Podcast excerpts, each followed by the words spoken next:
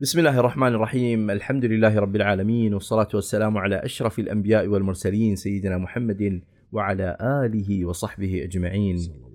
اقرأوا التاريخ إذ فيه العبر. ضل قوم ليس يدرون الخبر. مستمعينا الكرام ما زلنا مع صهيل خيول بني عثمان. وفي الحلقات الماضية لعلنا يعني خضنا عباب البحر مع خير الدين بربروسا رحمه الله. ورأينا كيف استطاع هذا القائد بناء أسطول بحري عثماني حقق العديد من الانتصارات للدولة العثمانية وكان بالطبع تحت إمرة أو تحت عين السلطان سليمان في ذلك الوقت. لعلنا الآن نعود إلى رحاب السلطان سليمان وقبل ذلك نرحب بضيفنا الدائم الأستاذ عبد الله رضوان الباحث التاريخي والمختص بالتاريخ العثماني حياكم الله أستاذ حياكم الله أستاذي حياكم الله أستاذ عبد الله يعني نعود الآن بعد أن ابتلت ربما أقدامنا مع مياه البحر مع بربروسا نعود الآن إلى البر نعم. نعود إلى السلطان سليمان ونتحدث عن أمر لعلنا تطرقنا إليه قبلا نعم. وهو مسألة أولئك يعني الذين لم يستطيعوا أن يكسروا شوكة الدولة العثمانية فماذا فعلوا؟ على نباحهم نعم. وأصبحوا يعني في محاولات لتشويه هذه الدولة وقادتها وسلاطينها بشتى الوسائل. نعم. السلطان سليمان على ما أحدثه من إنجازات عظيمة لابد وأن يكون طاله شيء من هذا. ولعلنا في هذه الحلقة يعني نخوض في شيء من هذه التشويهات والأكاذيب التي لفقت واختلقت على السلطان سليمان. بسم الله الرحمن الرحيم، الحمد لله رب العالمين وأفضل الصلاة وأتم التسليم على سيدي رسول الله محمد عليه الصلاة والسلام. رب اشرح لي صدري ويسر لي أمري واحلل عقدة من لساني يفقه قولي. أخي عبد الله وما زلنا مع عاشر السلاطين العثمانيين ما زلنا مع سلطان البر والبحر السلطان سليمان. الآن هو هو ملك اليابسة وملك البحار بكل ما تعنيه الكلمة من من معنى. نعم. الدولة العثمانية كم عاشت أخي عبد الله؟ عاشت 600 سنة صحيح؟ نعم. هذه يمكن تقسيمها إلى ثلاثة عصور. المئة المئة هذه يمكن تقسيمها إلى ثلاثة عصور.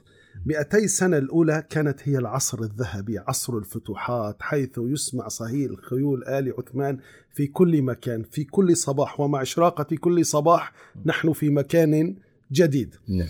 المئتي السنة الأخرى توقفت الفتوحات. ابتداء من ابن السلطان سليمان السلطان سليم توقفت الفتوحات. لأسباب كثيرة لكن أهم سبب أنا برأيي لأن السلاطين في في العصر الذهبي ما كانوا ينزلون عن صهوات خيولهم، هذا ركن إلى الجلوس إلى القصر في القصر ويرسل. لكن نحن بنقول بالعامية حجة بالمراسلة ما بتصير. اذا هؤلاء السلاطين كانوا على صهوات خيولهم في الحقبة الأولى، في الحقبة الثانية ابتداء من السلطان سليم ركنوا إلى القصور توقفت الفتوحات لكن بقي للدولة هيبتها وحافظت على شكلها. يعني ما خسرت أشياء كثيرة من أرضها. طبعا الجزء الثالث المئتي سنة دب الضعف في الدولة في أوصال الدولة وبدأت تفقد بريقها وأجزاء منها. صحيح؟ طيب. نعم. بطلنا السلطان سليمان عاش في أي عصر؟ في العصر الأول حيث صهيل خيول بني عثمان يسمع في أرجاء المعمورة وحيث الدنيا تهتز تحت حوافر تلك الخيول. لا بل إن السلطان سليمان يمثل بكل معنى الكلمة العصر الذهبي لتلك المرحلة التاريخية. يعني إذا أردنا أن نأخذ الدولة العثمانية الخط البياني يرتفع يرتفع يرتفع. أعلى ذروة يمثلها من؟ السلطان سليمان. سليمان. لهذا لا تستغرب عزيزي المستمع إذا ما علمت أن أجراس الكنائس في أوروبا قرعت ودقت فرحا يوم موت السلطان سليمان. وقيم وأقيم تصور أخي عبد الله وأقيم قداس الشكر ثلاثة أيام بأمر من البابا. هذا الأمر تكرر. طبعا أعلنت حتى الشوارع زينت وأعلنت الأفراح في في في جميع أرجاء أوروبا. هذا الموقف تك يعني تكرر من قبل كان من قبل السلطان يوم السلطان الفاتح. نعم. يوم ما يوم مات السلطان الفاتح أوروبا فعلت نفس الشيء. من هنا نعرف أن من أكثر من أوجع أوروبا هما اثنان. السلطان الفاتح وعندما أخذ آه، إسطنبول عندما أخذ القسطنطينية منهم وهذا عندما دق أبواب فيينا. أحدهم أخذ آه، القسطنطينية منهم وحولها إلى عاصمة للمسلمين السلطان الفاتح رضي الله عنه وأرضاه. وهذا حفيده سليمان يدق أبواب فيينا أوجعهم في موهاكس أسرع معركة تاريخية تحسم. خلال أقل من ساعة حسمت المعركة لم يمر معركة تاريخية بهذا المستوى. فهذا الرجل أوجعهم لذلك هم هم فرحوا جدا بموت هذا الرجل. طيب هل تصدق أن الكاتب الأمريكي عزيزي المستمع ماذا قال؟ هارلود لامب. إن يوم موت سليمان كان من أعياد النصارى. يوم موت السلطان سليمان هو عيد من أعياد النصارى. اتخذوا يوم موته عيدا. كم أوجعهم؟ كم هذا الرجل يعني يعني في أخي سبحان الله فيه عزة رضي الله عنه وأرضاه. ومع أن السلطان سليمان قد مات إلا أن الحقد الأوروبي لم يمت. لابد من تشويه صورته كما شوهت من قبل صورة السلطان الفاتح.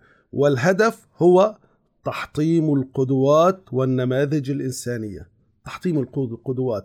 لا, لا نريد لأحفاد هؤلاء العثمانيين أن يكبروا وأن يتذكروا أجدادهم. نعم. أضع أنت أسد أضع البوصلة. من جد من جدك الأكبر؟ الخروف.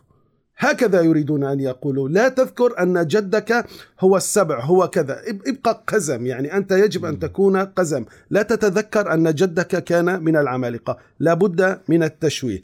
طبعا لا يوجد أخي عبد الله دولة تعرضت للتشويه من الغرب كما تعرضت لها الدولة العثمانية، لماذا؟ لأن الدولة العثمانيه يعني كانت الدولة الأموية والعباسية هم حاولوا ان كما تكلمنا سابقا أن يشوهوا صورة هارون الرشيد وشوهوا كثير من الصور، لكن الدولة العثمانية لأنها كانت في عمق أوروبا أرادوا تشويه هي كانت ملاصقة لهم وعلى تماس معهم لذلك أرادوا أن يشوهوا حياة سلاطينها.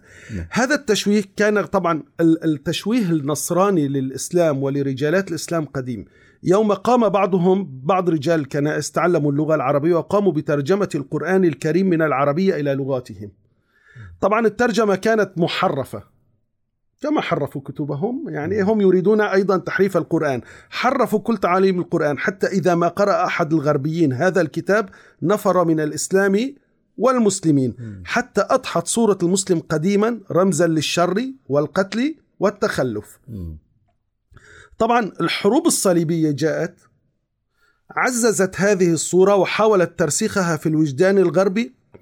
قبل أن أدخل أخي عبد الله آه، إلى التشويه الذي أصاب شخصية السلطان سليمان لابد أن أقول أن الدولة العثمانية عامة شوهت بصورتها. وحقيقة أنا أستغرب أخي عبد الله آه، يعني أيعقل أن نختزل 600 سنة من الفتوحات بآخر 50 سنة في حياتها؟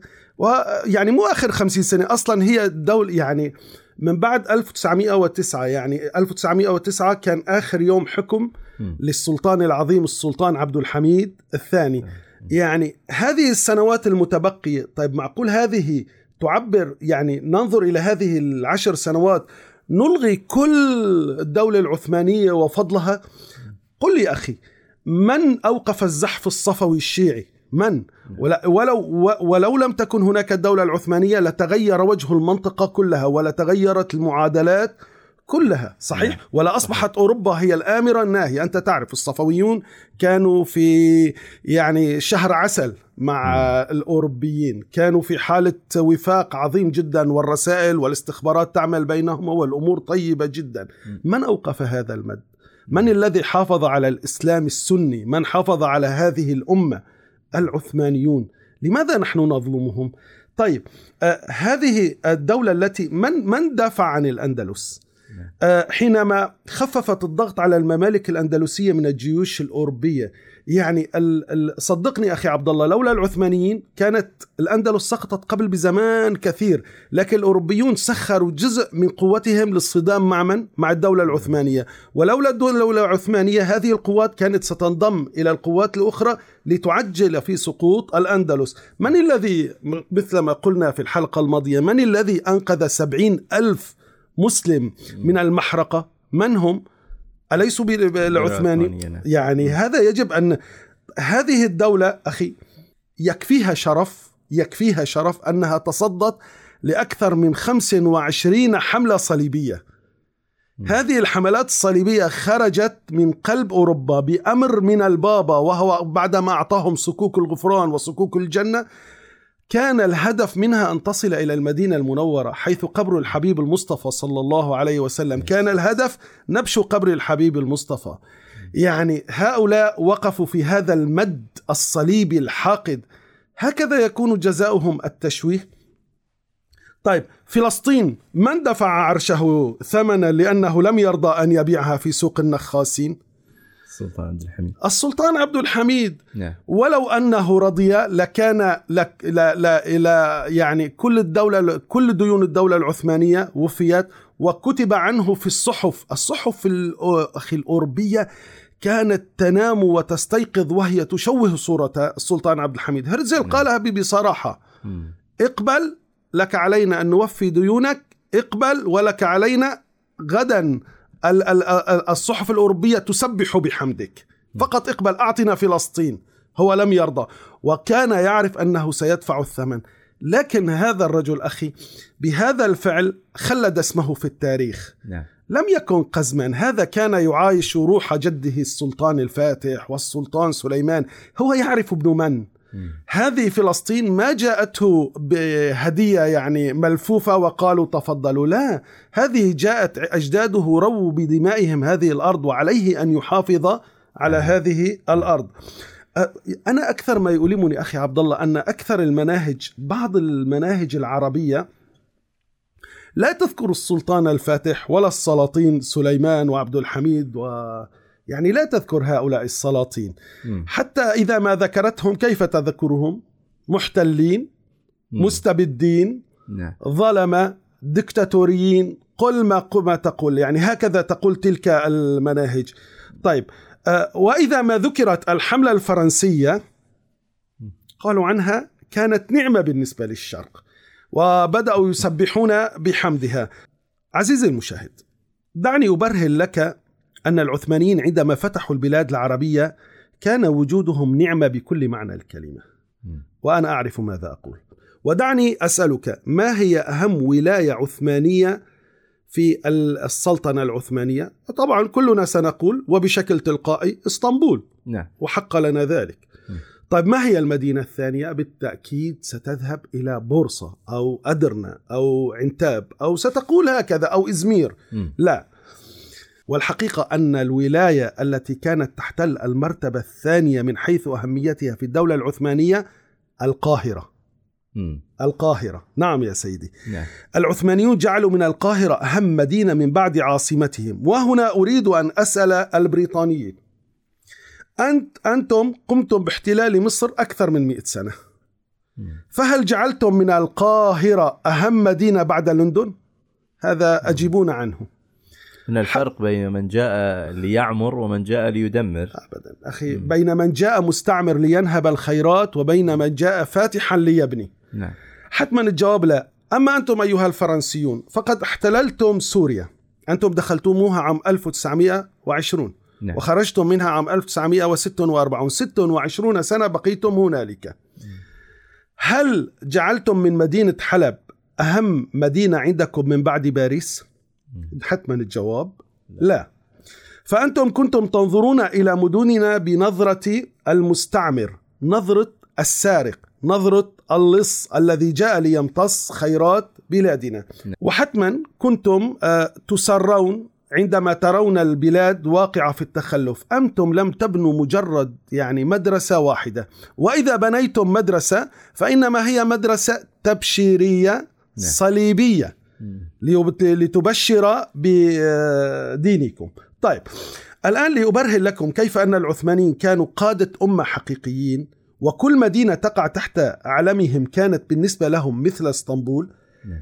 سألجأ إلى أحد مؤرخيكم. لن نلجأ إلى مؤرخينا. ربما تقولون أنتم يعني تريدون أن تمجدوا أنفسكم لا سأذهب إليكم. يقول روجين روجان هذا مؤرخ معروف مؤرخ أوروبي إن أهل حلب لم يكونوا يعرفون أن الفتح العثماني سيأتي لمدينتهم بعصر ذهبي. يمتد من القرن آه، وهو ذهبي يمتد حتى القرن الثامن عشر. حتى القرن الثامن عشر.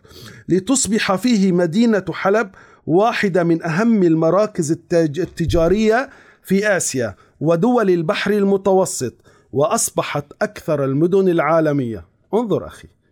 هم لم يحولوا بورصة ولم يحولوا هم حولوا حلب. هؤلاء مستعمرون معاذ الله. هذه الدولة العثمانية أخي ما كانت دولة مناطقية. ما كانت. وما كانت تعتبر حدودها إسطنبول وبورصة وأدرنا. وإنما كل أرض فتحت ارتفعت فيها راية لا إله إلا الله. كل أرض فتحت ارتفعت فيها راية لا إله إلا الله لم تكن أقل من إسطنبول في أهميتها عندهم.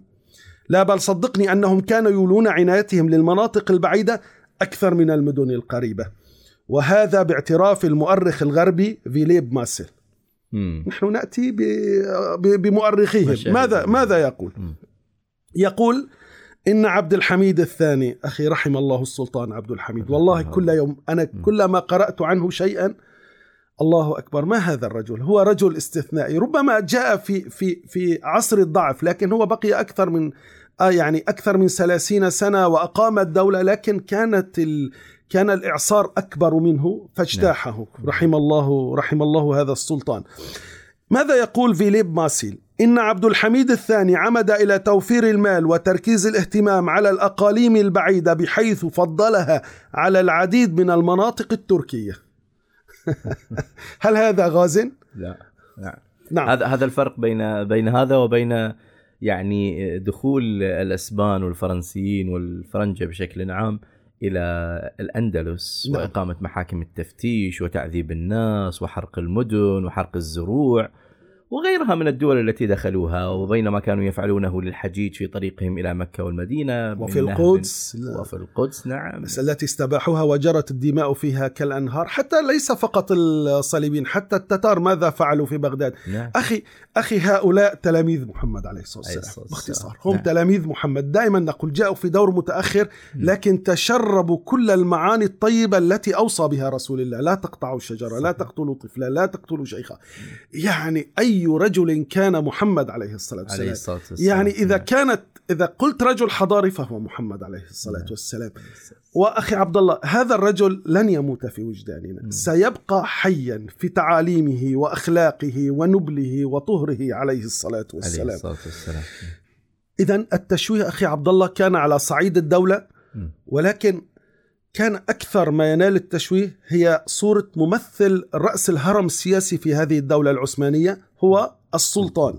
السلطان سليمان طبعا آه، مثل ما قلنا هو يمثل ذروة العصر الذهبي للدولة العثمانية. نعم. وإذا شوهت سيرته فيعني هذا تشويه سيرة كل الدولة. فكيف لا يستهدف؟ لكن هذه المرة من طرف زوجته الروسية الأصل روكسالا مم. روكسلانا والتي أسلمت وحسن إسلامها فسميت هرم شاه مم. هذه هذه المرأة أخي هذه المرأة أنا أعتبرها مثال للمرأة المسلمة.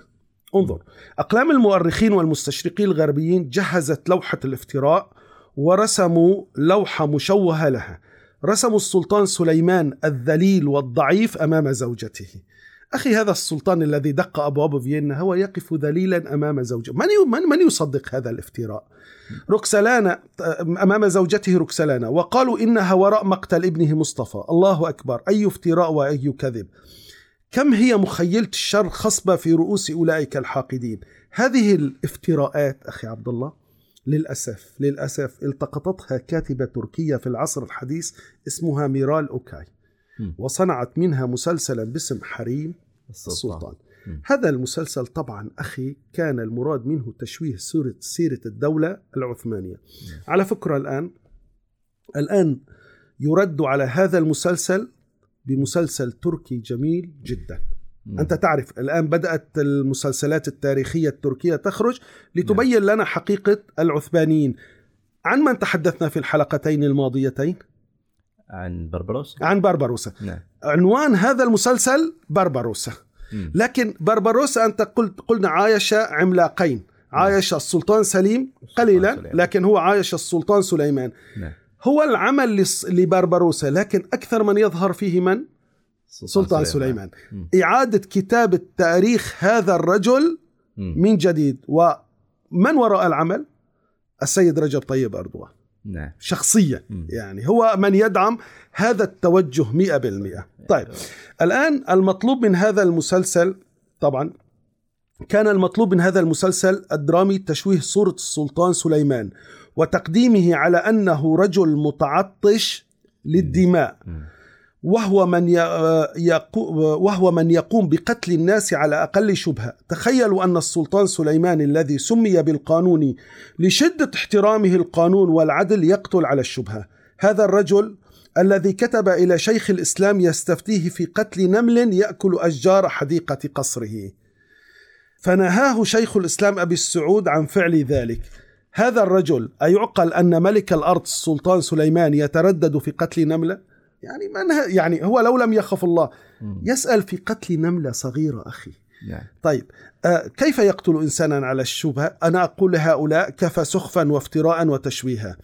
الآن يعرض مسلسل اسمه مثل ما قلنا أخي خير الدين بربروس في خير الدين بربروس أخي هناك آه كما قلنا الآن منذ قليل هناك الشخصية رئيسة في النص هي شخصية السلطان سليمان بكل تجلياتها بكل عظمتها وليس كما رسمت في حريم السلطان. تمام. نعم. طبعا آه الآن نرجع إلى هرم زوجة السلطان سليمان. الكاتب الأمريكي هارلود لامب يقول في كتابه إن هرم أي ركسلانة كانت ماكرة وخبيثة.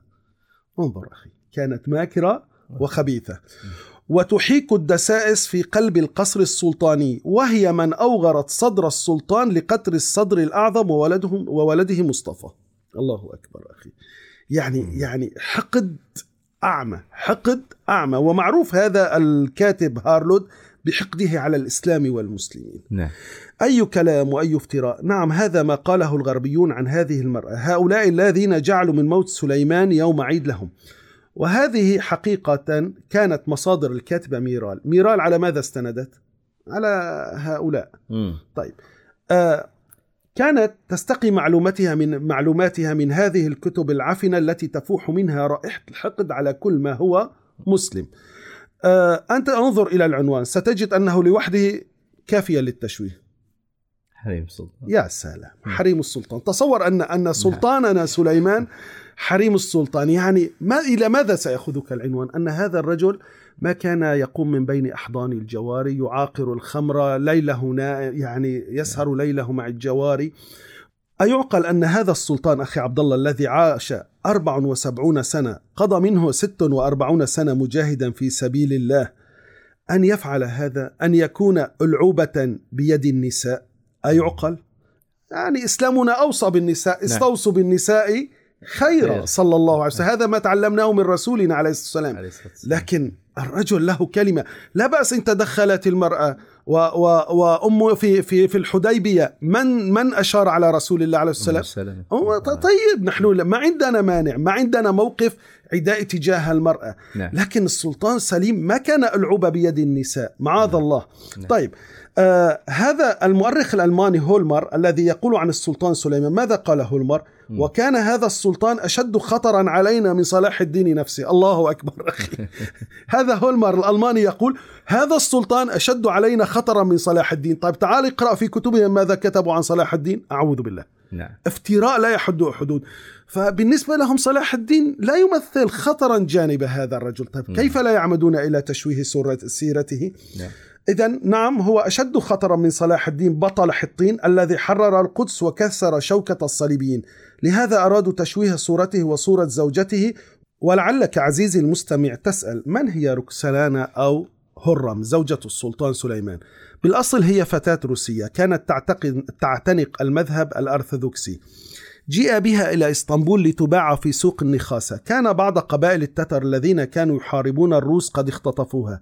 الفتاة أخي عبد الله كانت باهرة الجمال. النخاس طلب بها المال الكثير وما كان أحد يستطيع دفع هذا الثمن. حتى مرت ذات يوم أم السلطان سليمان.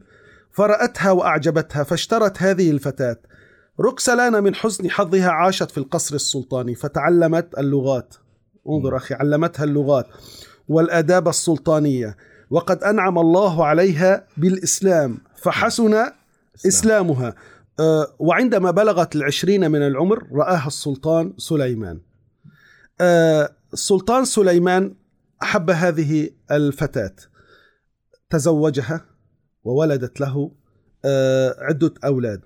هرم هذه أخي كانت محبة لزوجها حبا عظيما وكان ولاؤها الوحيد لله ولرسوله ولزوجها السلطان سليمان. كيف لا؟ أليست هي من طلبت من ولدها السلطان سليم أن يصدر أوامره العسكرية للصدر الأعظم أن يحارب روسيا. أهلها. نعم. إذا هي تفضل الإسلام. إذا هي الآن ولادة جديدة بكل معنى الكلمة. وأن يحرر من؟ موسكو من قبضة الملك إيفان الثالث. نعم.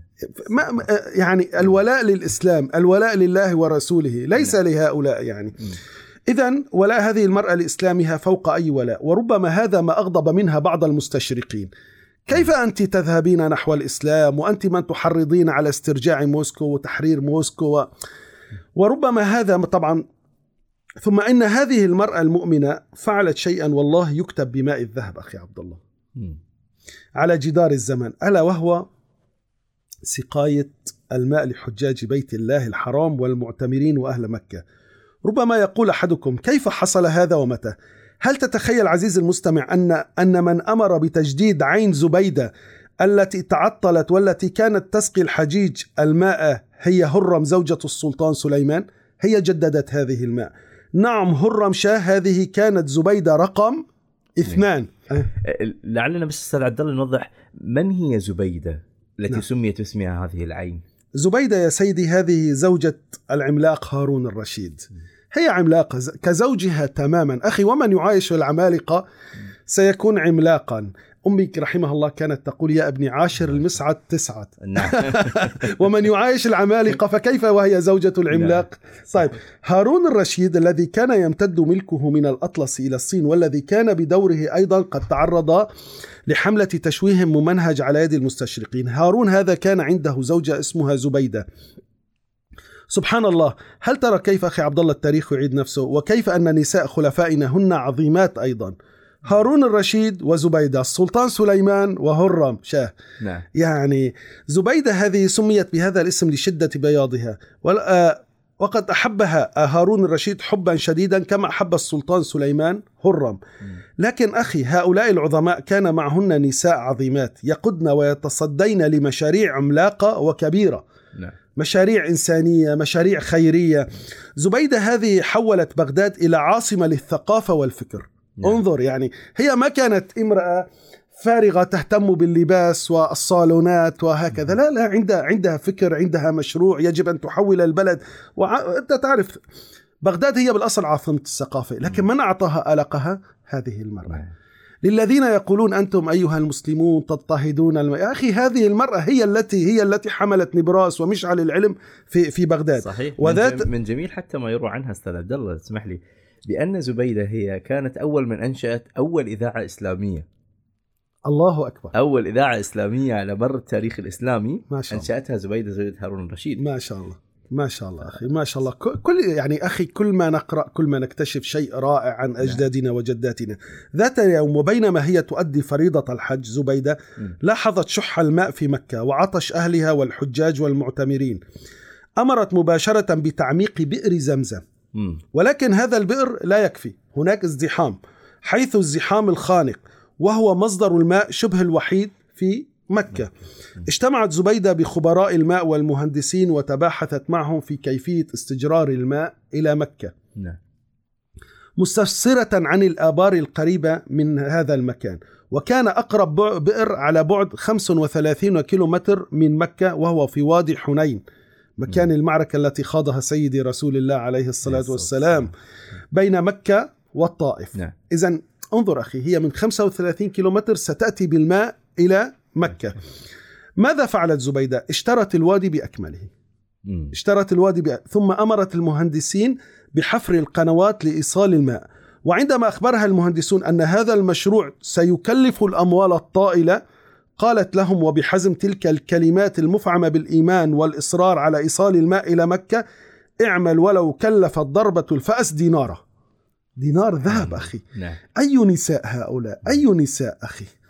نعم. الله أكبر. هؤلاء هم نساء أمة محمد عليه الصلاة والسلام. هؤلاء يعني هؤلاء أخي هن حفيدات خديجة وفاطمة وخولة هؤلاء النساء حقيقة. و و وهرم وإن لم تكن عربية أيضا هي حفيدة يعني حفيدة حقيقية بكل ما تعنيه الكلمة من معنى. هؤلاء أخي النساء كن وراء أولئك الرجال الذين فتحوا الأمصار. ونشروا الإسلام في طول الأرض وعرضها وجعلوا أصقاع الأرض تدين لهم. أنا أقول رحم الله ساقية الحج الحجيج زبيدة رحم الله ساقية الحجيج هرم صاحبة اليد البيضاء التي لن ينساها التاريخ.